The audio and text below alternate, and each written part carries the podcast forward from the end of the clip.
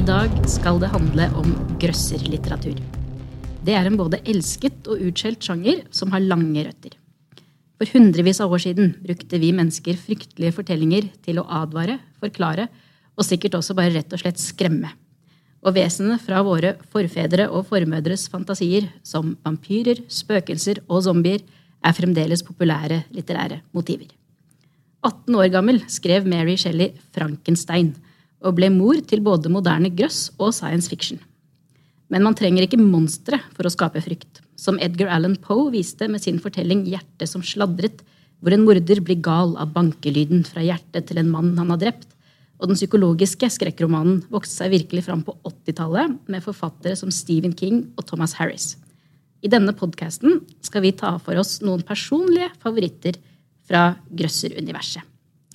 Jeg heter Elin. Jeg heter Vilde. Og da kan vel jeg begynne med å spørre deg, Vilde. Hvorfor leser du grøss? Altså, jeg er jo, eh, som veldig mange andre, glad i å bli skremt. Men under veldig kontrollerte forhold. Jeg kan få mareritt i månedsvis av å se en halv zombiefilm. Men når det kommer til skriftlig grøss, så kan jeg lage mine egne bilder. Og det er helt gull for ei pingle som meg.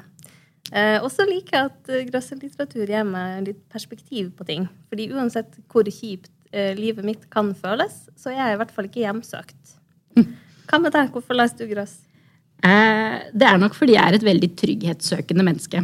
Um, en grøsseroman med meg som hovedperson hadde vært ca. to sider lang. uh, en gang så greide jeg å forville meg på heiene i England. Det er en veldig lang historie. Men jeg hadde i hvert fall gått i timevis uten å se et menneske. Og så plutselig så jeg et lite hus midt ute i ødemarka, kilometervis vekk unna alt. Og det gikk bare røyk ut av pipa.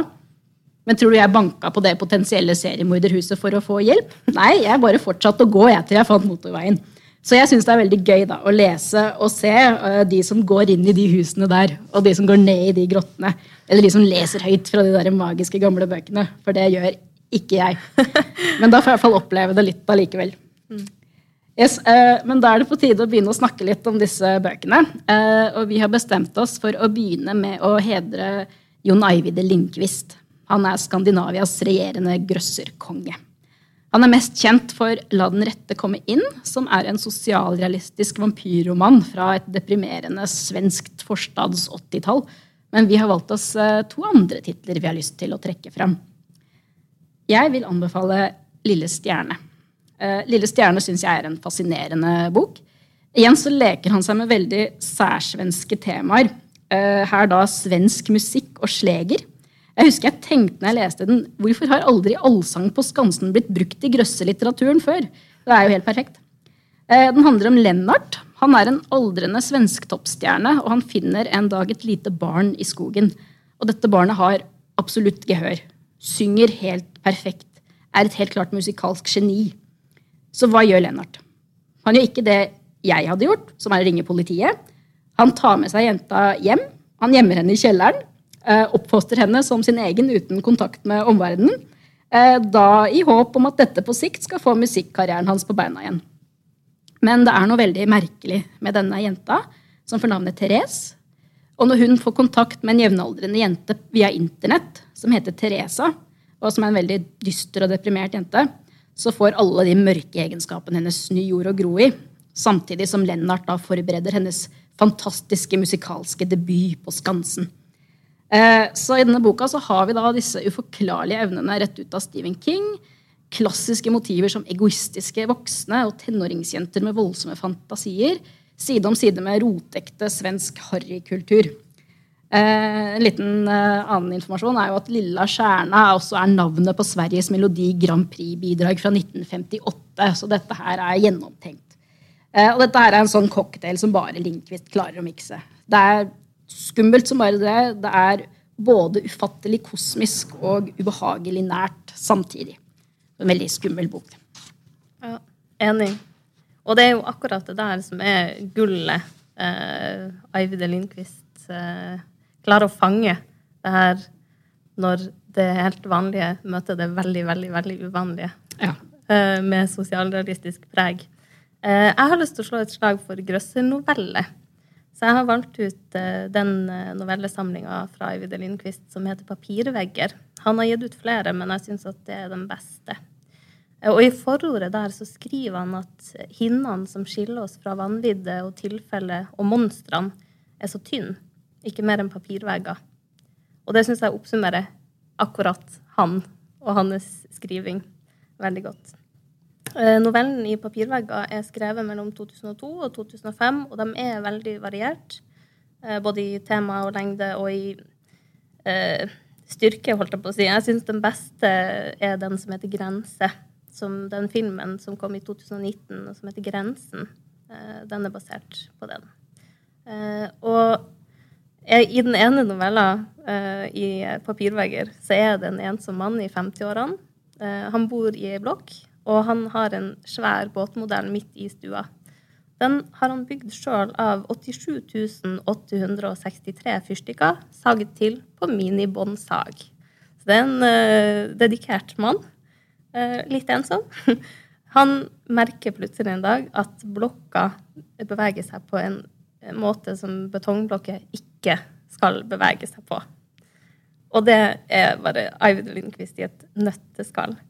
Eh, og så syns jeg det er så fint når eh, han ble spurt hvorfor han skriver grøss, så siterer han artisten Morrissey og sier I really can't help it. It's either this or prison.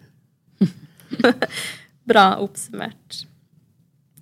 Og med det her så tar vi et uh, smidig hopp over til eh, noen som Eivind Lindqvist har blitt sammenligna med, nemlig Stephen King. Den amerikanske kongen av grøss, eh, som har bak seg et utrolig imponerende forfatterskap. Altså, Gå inn på hjemmesida og se på den eh, uendelige lista, hvis dere ikke har gjort det. Uh, Jørn Lier og legger det. Uh, vi skal snakke om Kings i andre bok, og en av de best kjente, Salem's Lot fra 1975. Eller som den så velklingende ble oversatt til på norsk, 'Nattens hus'. Det her er langt fra den eneste boka der han eh, skriver om denne byen som heter Jerusalem slott.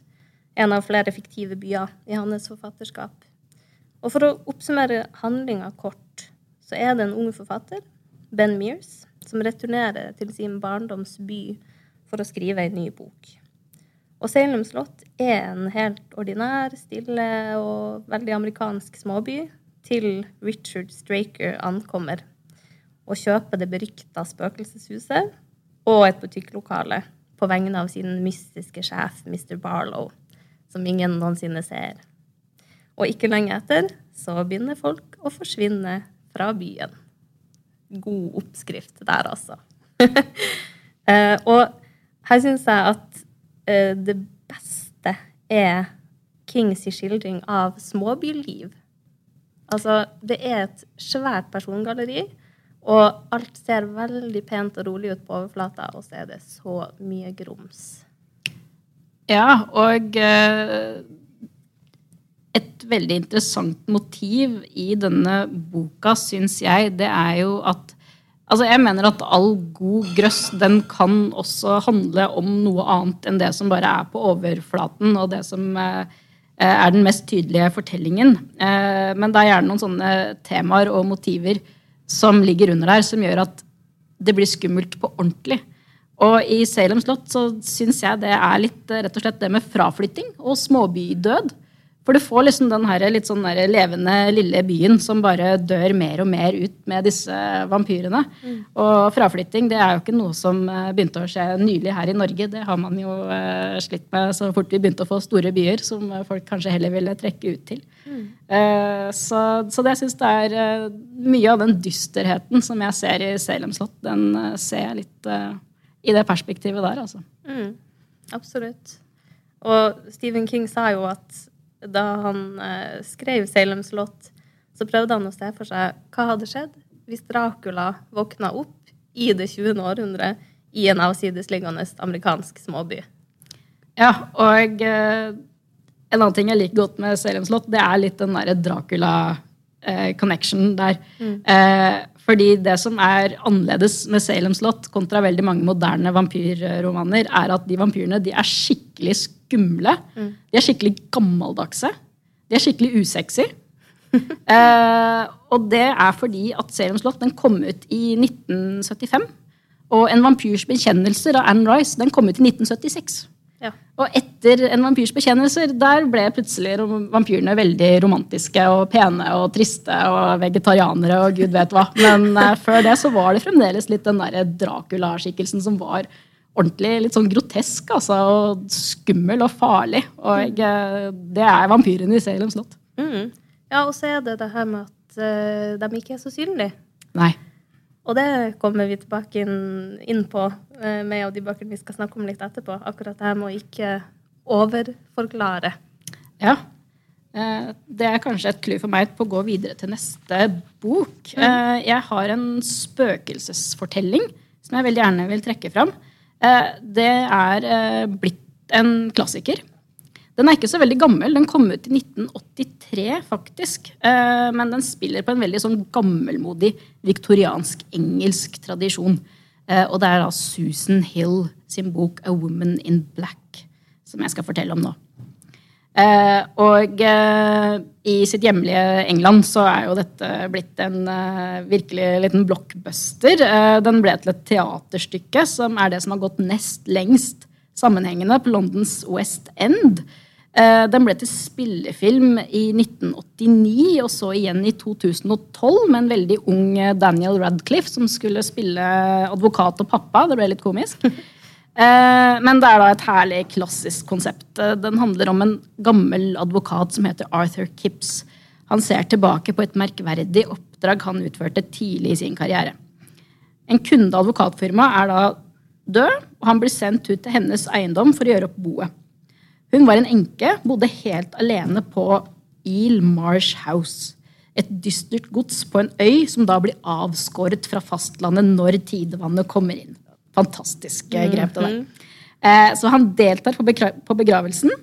Eh, Og en annen av gjestene er da en blek kvinne kledd helt i svart. Og han begynner å spørre litt rundt, men landsbyfolket de vil ikke svare på spørsmål verken om enka som nå er død, eller om denne mystiske kvinnen.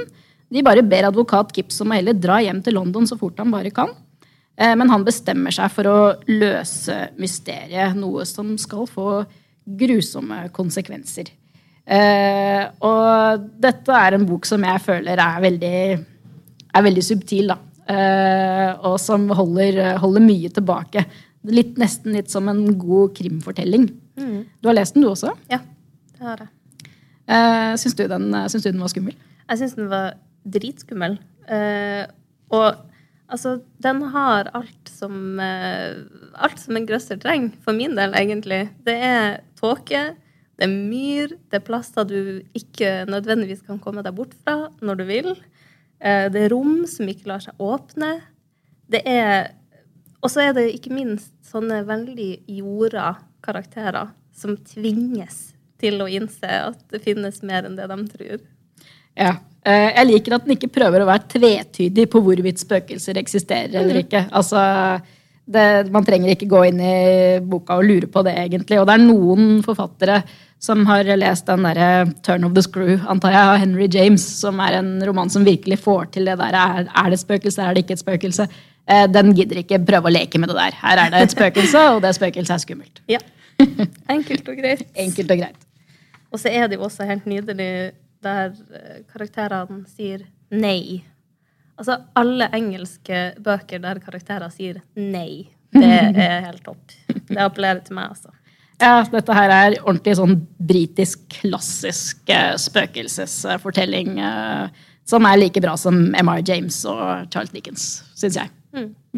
Absolutt. Skal vi hoppe over til en annen spøkelseshistorie. Da skal jeg fortelle litt om Mørketid av Michelle Paver.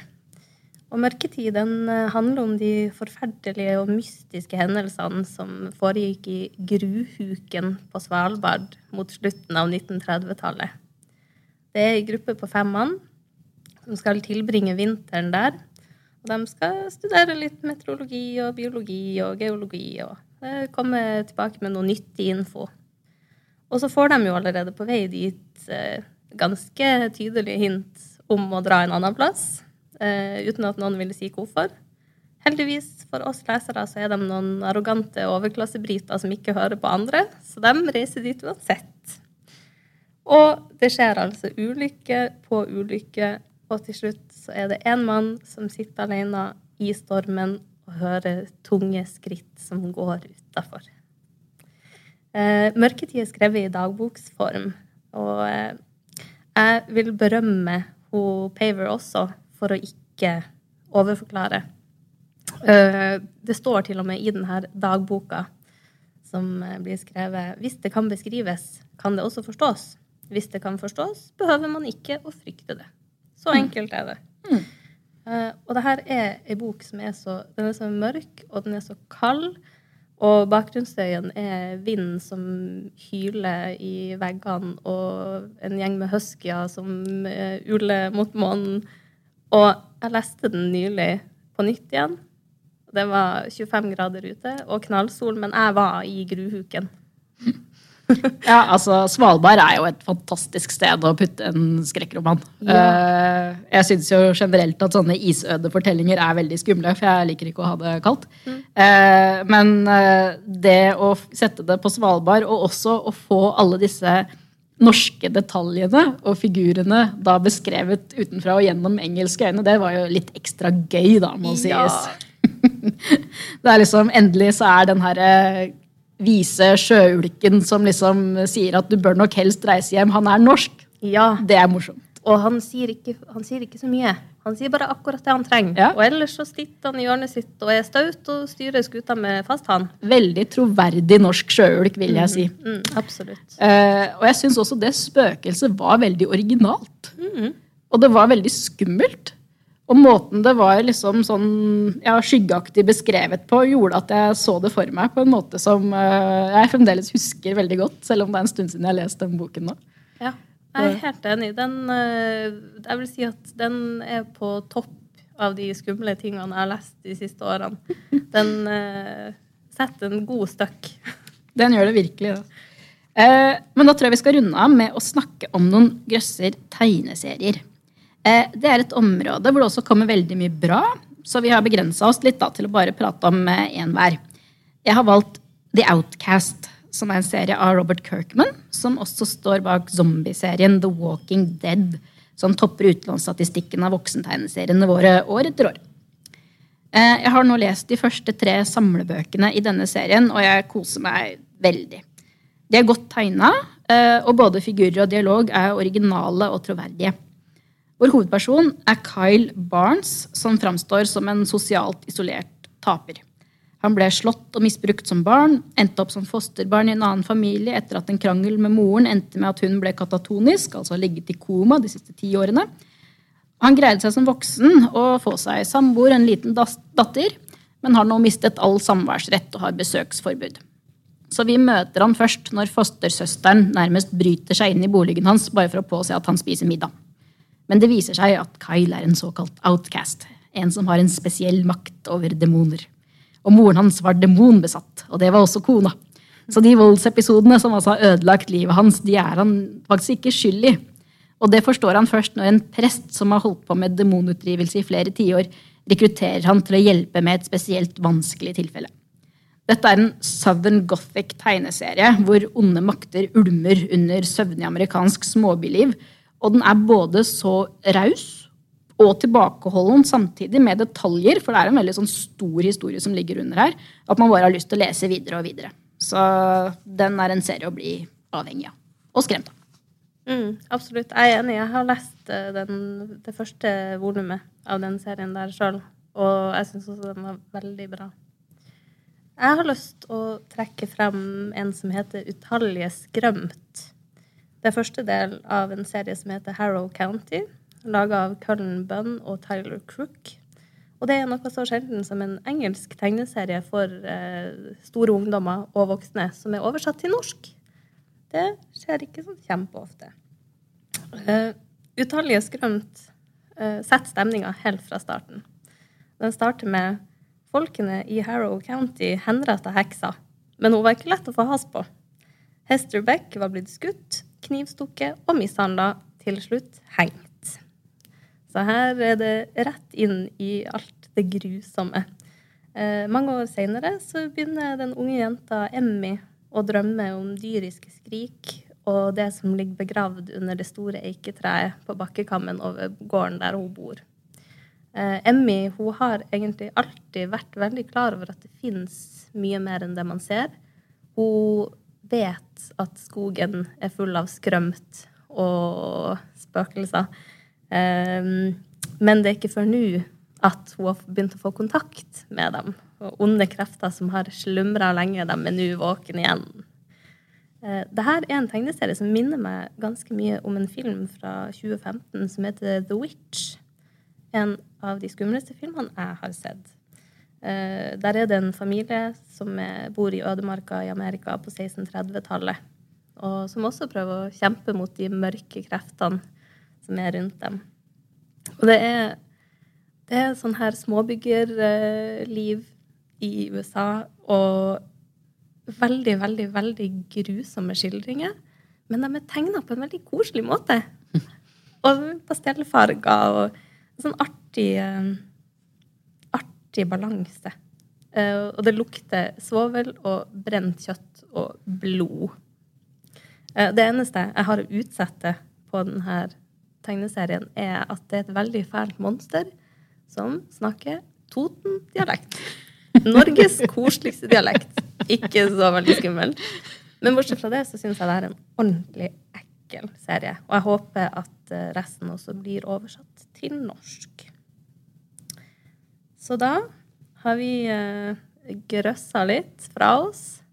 Eh, helt til slutt så kan jeg jo si at eh, vi kommer til å legge ut et innlegg på bloggen vår om de titlene som vi har snakka om nå.